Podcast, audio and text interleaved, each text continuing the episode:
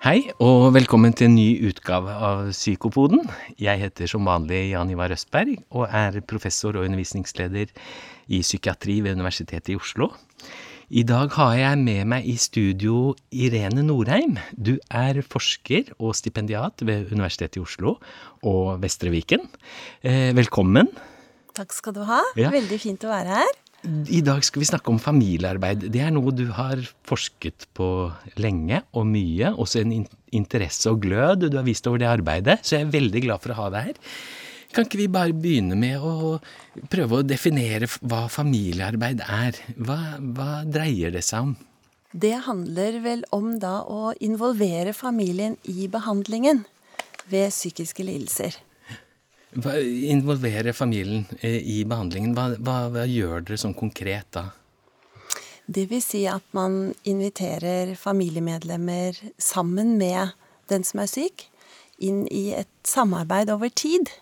Eh, og det, den tiden man bruker, det avhenger litt av hva slags behov familien har. Men gjerne i hvert fall over et halvt år.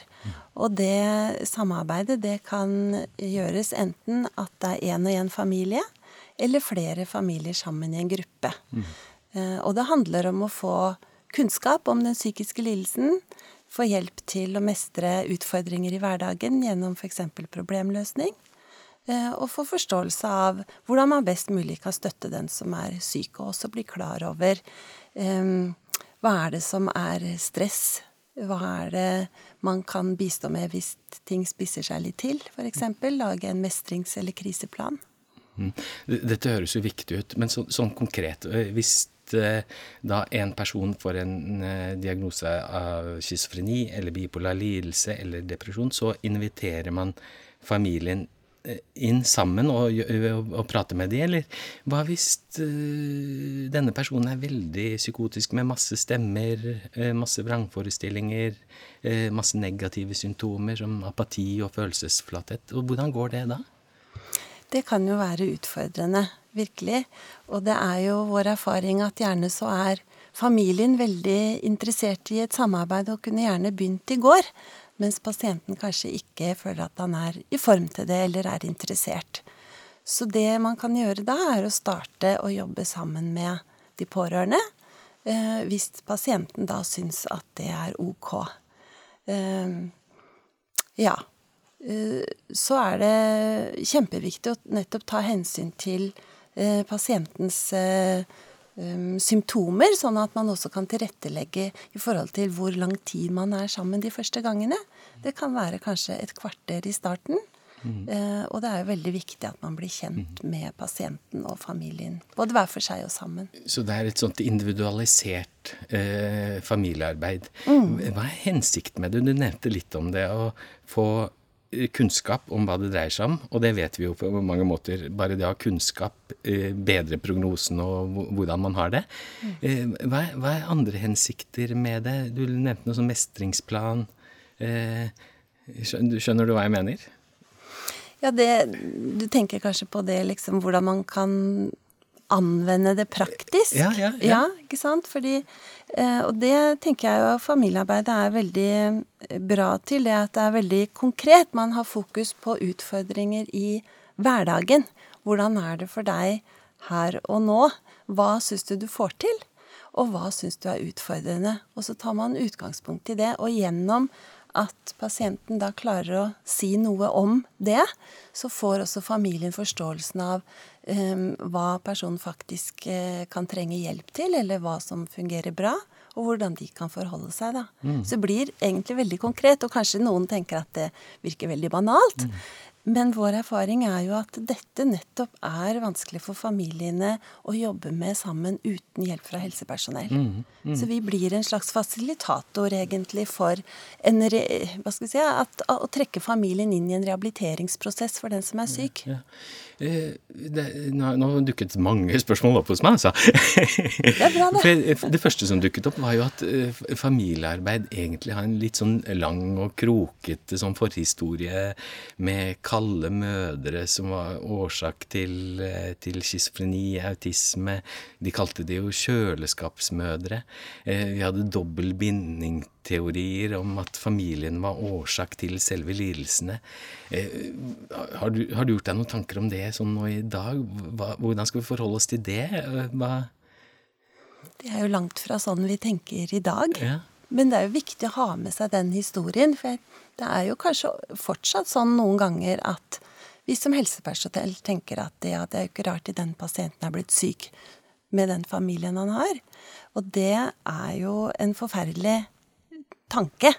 Det er jo noe vi ikke bør tenke i dag. Mm, eh, ja. ja, ja. Men at det kan prege kanskje noe eh, rundt omkring fortsatt. Det skal jeg ikke se bort fra. Nei, nei, hva tenker du på da? At det kan prege Nei, kanskje kommunikasjonen mellom helsepersonell, da. Eh, At det er litt sånn Kan være noen underliggende holdninger noen sted. At det å trekke familien inn ikke er hensiktsmessig.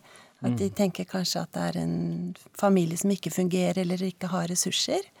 Eh, Så vår erfaring i familiearbeidet er at så lenge familiemedlemmer klarer å møte opp i samtalene, så har det noe for seg. Jeg pleier å si til studentene at hvis de ikke involverer familiene, hvis det er, dreier seg om en, eh, et barn som har fått en schizofrenidiagnose eller en bipolar lidelse, så er det feilbehandling. Er det å gå for langt, tenker du?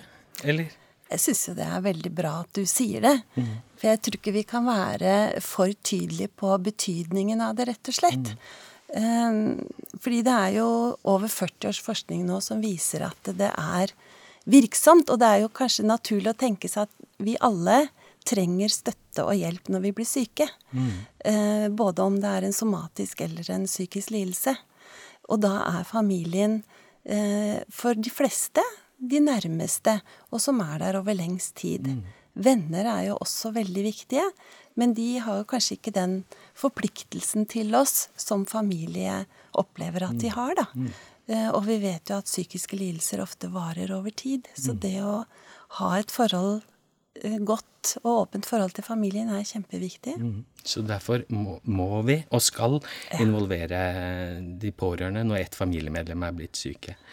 Jeg, har også lest at det er to, to ting. For det første så er det jo nesten 70 vel, er det ikke det, så, av disse som får en psykisk lidelse første gang, de bor jo hjemme hos familien sin og er avhengig økonomisk og, og sånne ting av familien. Det er også en viktig del av eh, da å bli involvert i behandlingen.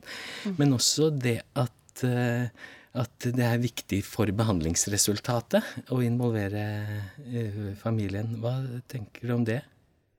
Er det gode studier på dette her? At dette er effektivt? Det er jo gjort, eh, som sagt, mye forskning de siste 40 åra, og også oppsummert forskning. Eh, Og den siste eh, oppsummerte metaanalysen og reviewen, den kom i fjor. Og den gjort Viste jo at omtrent sånn seks måneders samarbeid med familien ved førstegangs psykose eh, viste to år etter intervensjonen at det var eh, 58% redusert mulighet for tilbakefall. Eh, og den samme studien peker på at eh, det er eh, omtrent 85% sjanse for et tilbakefall etter en førstegangspsykose. Så man har jo veldig mye å vinne når det gjelder tilbakefallsforebygging. Og forskning har jo også vist ikke minst reduksjon i innleggelser, eh, økt funksjon og bedre oppfølging av medisinsk behandling. Så det er veldig sterk, eh, sterke resultater fra forskningen Ja, på det. Det er veldig gode resultater. Eh, Dette er jo for pasienten som er rammet, resultater. Eh, Jeg leste også i en annen undersøkelse at 30-40% av de pårørende når et familiemedlem er eh, rammet, eh, vil utvikle angst og depressive symptomer. Så det er jo viktig å ta vare på de også i, denne, eh, i denne, denne fasen hvor hele familien, som du sa, er rammet. Absolutt. Og det er jo nå også denne forskningen på familiearbeid har vist. Om ikke så mye som på effekten for pasientene, så er det jo også vist at det reduserer opplevd belastning for de pårørende, og kan også føre til færre Mindre bruk av helsetjenester da, for pårørende. Så, så de også bruker mindre. Mm. Ja, ikke sant. Og jeg, jeg tenker også at uh, det blir så viktig for behandlerne å, å dra inn de nærmeste pårørende. Ikke, både, både, sånn for å finne ut hva er det som den personen har slitt med, hva, slags, hva har symptomene vært, har de kommet seg på skolen, har de kommet seg i arbeid, isolerer de seg hjemme? Både det for å, rett og slett å stille en diagnose i starten, at du får den der komparente opplysningene, men også følge, eh, følge eh, utviklingen. Altså er det for mye medisiner, er det for lite medisiner? ikke sant? At du får eh, At det også er en effekt av det. da, At du hele tiden får monitorert behandlingen også. Mm. Det tenker jeg. Mm. Men, men uh, dette er jo kjempeinteressant. og det, det, du sier, er at dette er en veldig effektiv behandlingsmetode. Uh, bør alle få et tilbud om det, tenker du? Få tilbud om familiearbeid? Og det, hvilke grupper er det vi snakker om her? Ja, det er jo um, anbefalt behandling i de nasjonale retningslinjene både ved psykose, bipolare lidelser, dobbeltdiagnose og ved ADHD og ved spiseforstyrrelser. Og det er jo sånn sett eh, en, en behandlingsform som kan tilbys mange. Um, men det er jo selvfølgelig mange forhold rundt som kanskje tilsier at man Som man må kartlegge, da. Så det er klart at det å være obs på om det er voldsproblematikk eller eh, misbruksproblematikk, er jo kjempeviktig. Um, samtidig så er det jo sånn også at der hvor familiene kanskje fungerer litt dårlig, det er jo ikke nødvendigvis noe hinder i seg selv. Det kan gjøre at man får fram ressurser i familien som man kanskje ikke var klar mm. over. Mm. Mm. Men som vi begynte litt med, da. ikke sant? Du nevnte det var vi, Det er liksom to sånne tilnærminger, sånne hovedgrupper. tenker jeg. Det er sånn flerfamiliegrupper, mm. og så er det enkeltfamiliegrupper. I enkeltfamiliegrupper så kom, kommer bare den enkelte familien og snakker med da behandlere. Mens i flerfamiliegrupper så møtes mange med de tilnærmet samme problemene i litt større grupper. Kan du fortelle litt om det? Mm. Eh, og så er det jo Dette med familieintervensjon er jo eh, manualbasert. Samtidig så er det veldig rom for å tilpasse det innenfor manualen. Så manualen tilsier også at det, den skal brukes eh, fleksibelt. en god manual, med andre ord. ja. ja. Fordi det er ulike elementer i den som vi snakka om. Både det her med eh, kartlegging og hvordan familien har det, det med å gi undervisning, Eh, det å utarbeide en krisemestringsplan, det å drive med problemløsning. Eh, og det også å kunne gi veiledning i forhold til kommunikasjon er viktig. Så det er ulike deler av det. Og i en enkeltfamiliegruppe så kan man jo i større grad tilpasse den enkelte familiens behov for de ulike delene. Og også lengden og tiden man bruker på de ulike delene. I en flerfamiliegruppe så har du fem til seks familier som man i en første fase skal bli kjent med, både pasient og familiemedlemmer hver for seg. Og så starter man opp med gruppemøter av en og en halv time annenhver uke. Og det handler fortrinnsvis om problemløsning etter en strukturert modell. Mm. Og det handler også om å ta hensyn til eh, personer som har kognitiv svikt, og når man strever psykisk, så har man også gjerne et forhøya stressnivå. Sånn at det å vite at tidsrammen holdes, og vite hva som skal skje, det er kjempeviktig, da. Mm. Ja, Samtidig som det kanskje kan være litt vanskelig også å være i grupper ja. eh, når du har de symptomene og, mm. og, kanskje det indre stresset eller uroligheten. Ja, det har jo du vært med og forska på, Jan Ivar. Mm. En norsk studie med Liv Nilsen. Mm. Og der fant vi jo det at eh, det var et forhøya stress, spesielt i starten, i flerfamiliegrupper. Mm. Um, og kanskje opp til et halvt år. Og det, jeg har jo drevet flerfamiliegrupper sjøl, og er uh, veldig oppmerksom på det. Og sier en del om det når vi starter opp gruppa, at dette kan være stressende. Mm. Uh, men allikevel så velger de å komme, da, for de ser at uh, de har på en måte mer selv om det koster det. litt, så, så har Ikke de sant? veldig nytte av det. Mm, mm. Så de vil så veldig gjerne. Ikke sant? Så det Man blir veldig ydmyk av å drive dette tilbudet. Mm. Eh, fordi man ser hvor stor innsats spesielt pasientene legger ned i det. Mm. Familier er gjerne liksom ja, syns det er kjempefint å være sammen og møtes, men det kan være en stressende opplevelse for, eh, for de som er syke. Men samtidig så får de så mye igjen av det, og ikke minst det her med å, at man ikke føler seg så aleine. Mm. Ja, at man får delt hva, hva man har vært igjennom, etc., etc. Ja. Eh, Et eh, begrep som hele tiden dukker opp når man leser om familiearbeid, er EE, sier man. Expressed emotion. Det må du forklare litt mer om hva er, Irene. Ja, det har jo med familieklima å gjøre, eh, og at forhøya expressed emotion handler om at man kan eh, være kritisk, um, fiendtlig, overinvolvert. eh, ja, at det skapes en negativ atmosfære. eh, stressende atmosfære. Eh, og det eh, Og på den andre sida, det motsatsen, er jo det at man legger til rette for ja, at man er varm, at man er støttende, eh, oppmuntrende, tålmodig.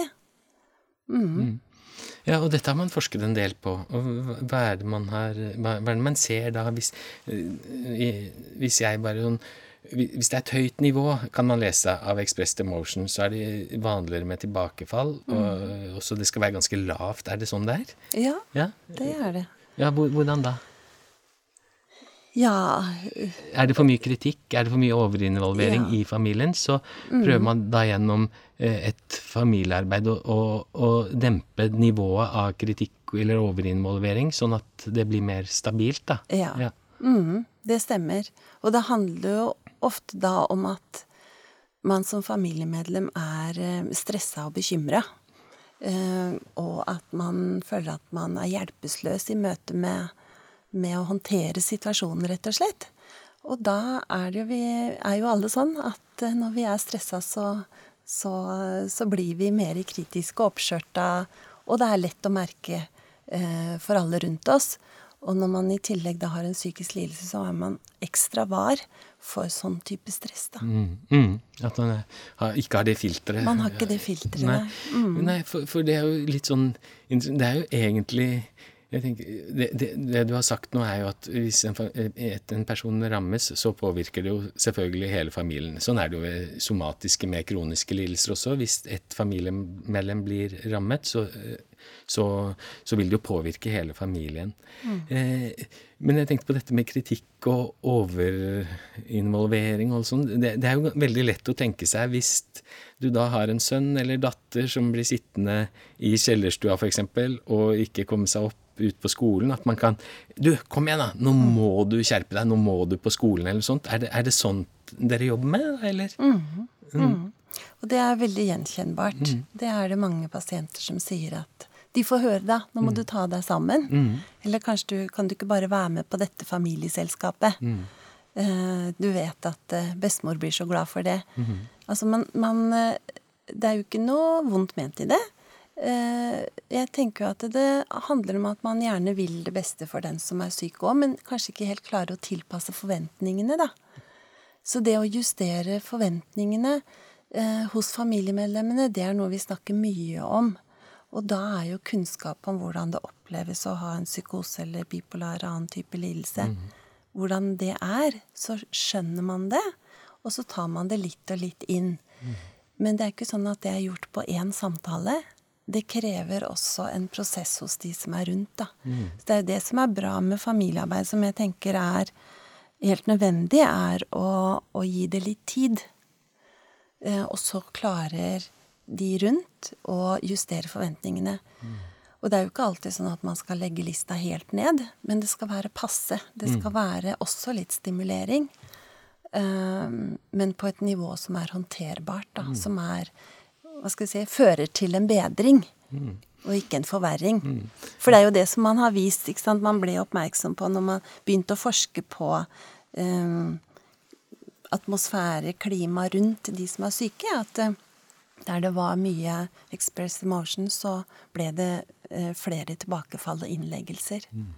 Det, og det er jo gammel forskning, egentlig. Ja. Dette er kunnskap vi har hatt i veldig veldig mange år. Mm. Dette var vel sånn studie fra 70-tallet, var det ikke det? Hvor man fant at i familier hvor det var mye expressed emotion, så var det hyppigere tilbakefall enn enn i andre familier. Det stemmer, det.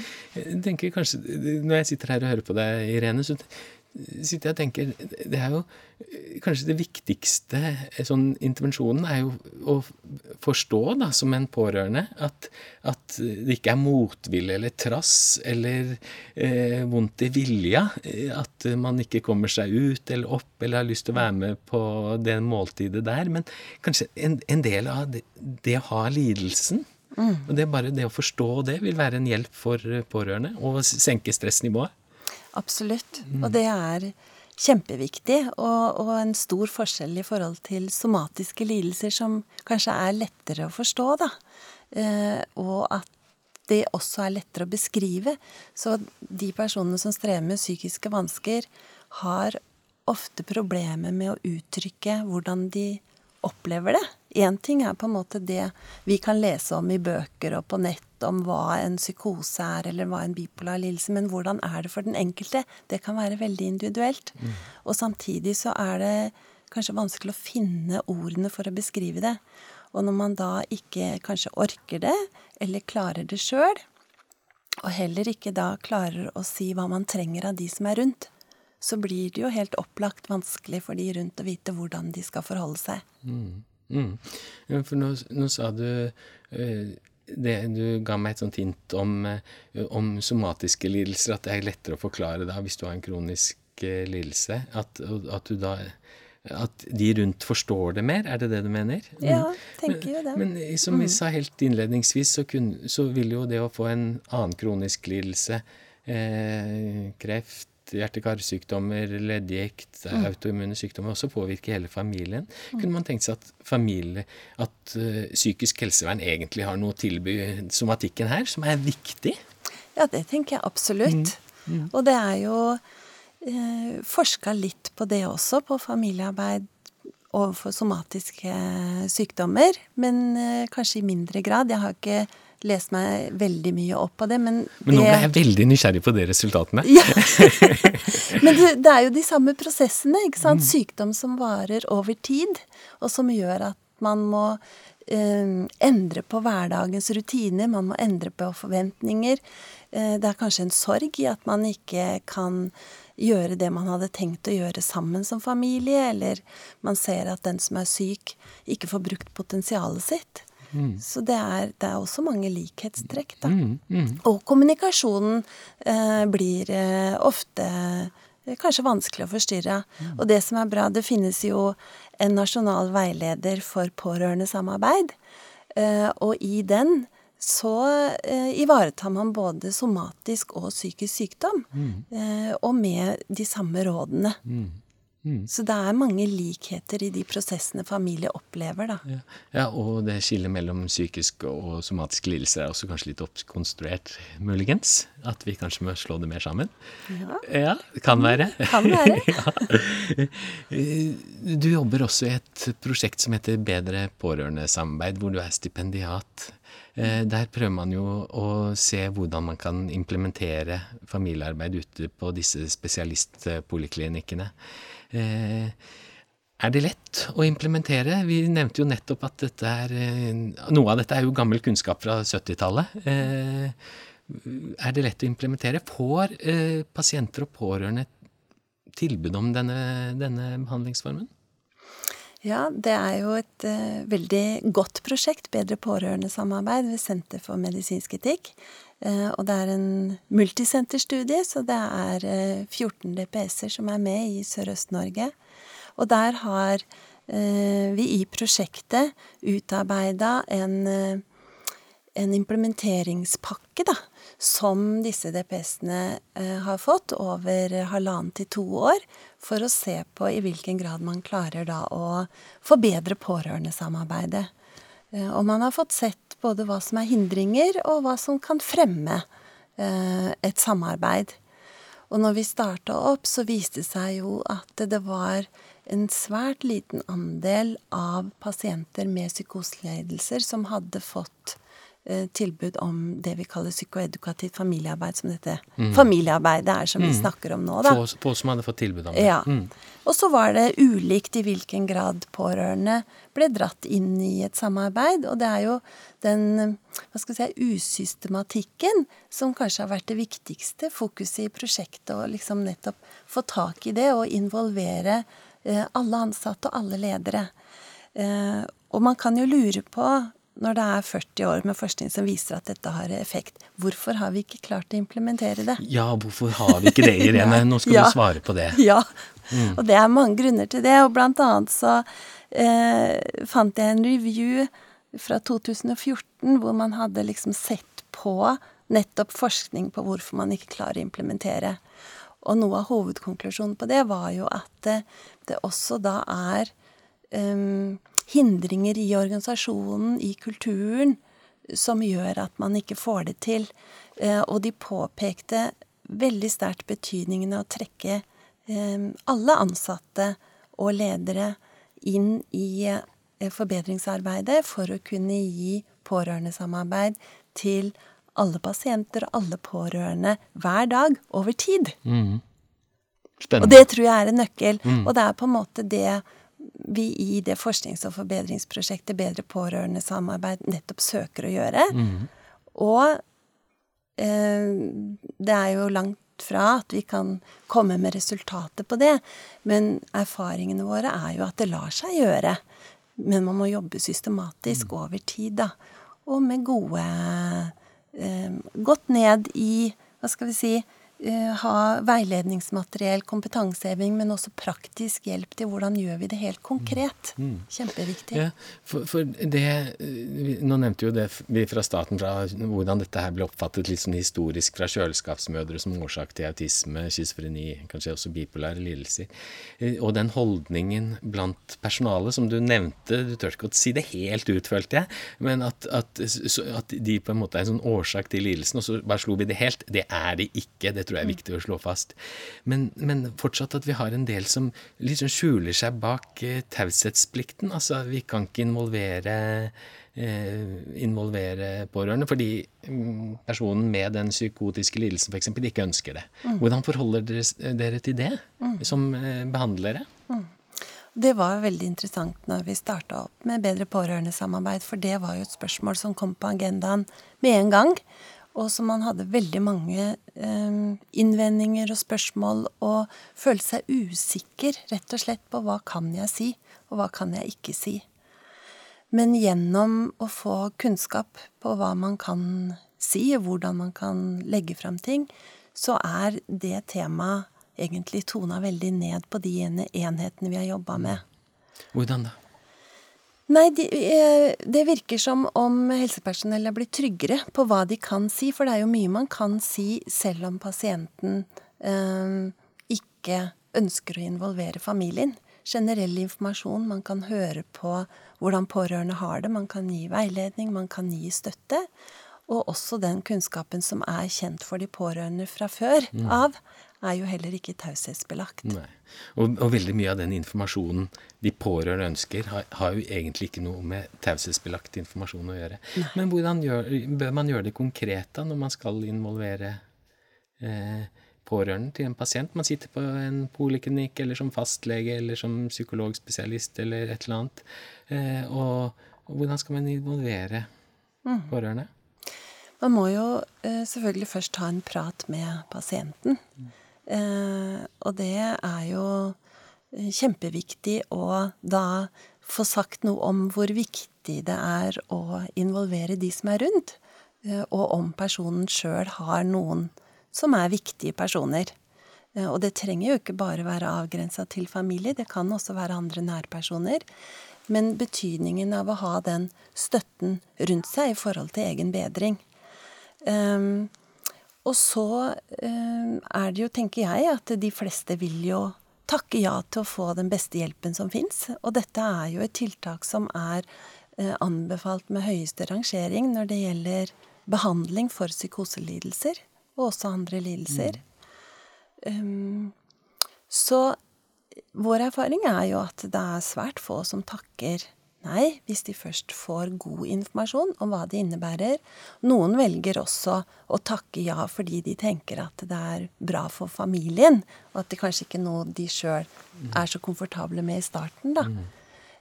Men det er også bra. Mm. Og så kan man invitere familiene inn. Mm. Og det er jo heller ikke nødvendigvis sånn at alle familier takker ja. De kan føle at de har mer enn nok, eller at de har det travelt. Hvordan skal de få det til?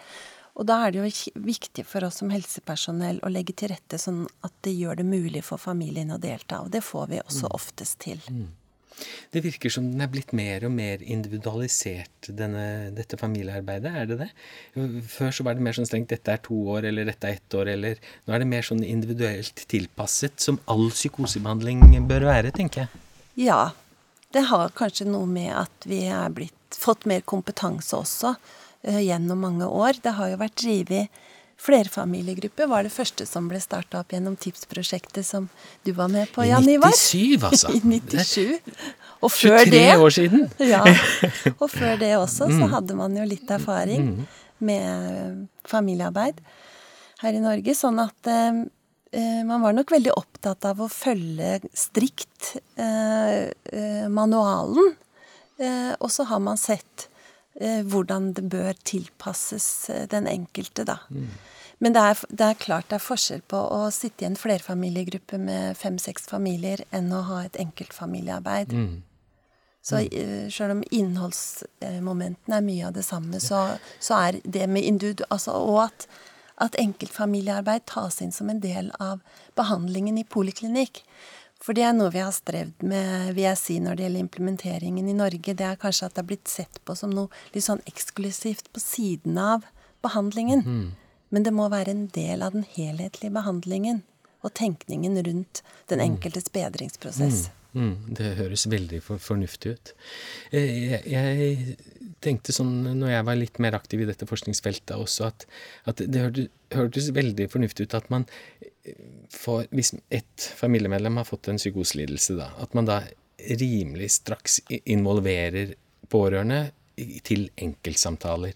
ikke sant, Individuelt. Men så etter hvert at man kan begynne med mer, eh, mer eh, Når ting har stabilisert seg litt, motivasjonen er økt hos personen med psykoselidelsen, kanskje litt mer innsikt i hva dette dreier seg om, eh, at man da kunne involvere flere. Det, det syns jeg hørtes ut som en veldig sånn god strategi, husker jeg. Mm, mm. Er det fortsatt sånn man tenker der, eller? Ja, mm. det vil jeg si. Mm. Og det kommer jo litt an på Eh, hvilken del av helsetjenesten pasienten er i. Mm. Om det er i en akuttfase eller i en type rehabiliteringsfase eller en oppfølging over tid. Mm.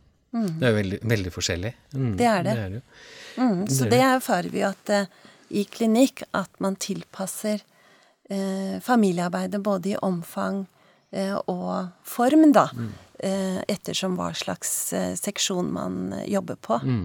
Og det er fullt mulig. Ja, Men det vi kan slå fast, er jo at familiearbeid er en effektiv behandlingsmetode. Det reduserer tilbakefall og sykehusinnleggelser, mindre stress og, og, og sånn hos pårørende. Og at det er en viktig del av den pakka pakken, eller sekken om du, skal, om du vil kalle det, da, av behandlingsmetoder vi har å tilby til, til disse pasientene som strever med en psykoselidelse, f.eks. Mm.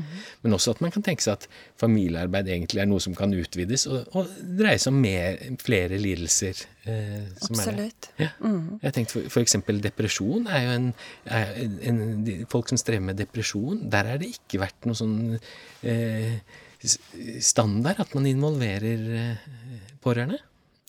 Nei, det Eller kjenner sikkert du mer til Nei, enn det jeg gjør. Ja, I veldig liten grad, men, i hvert fall.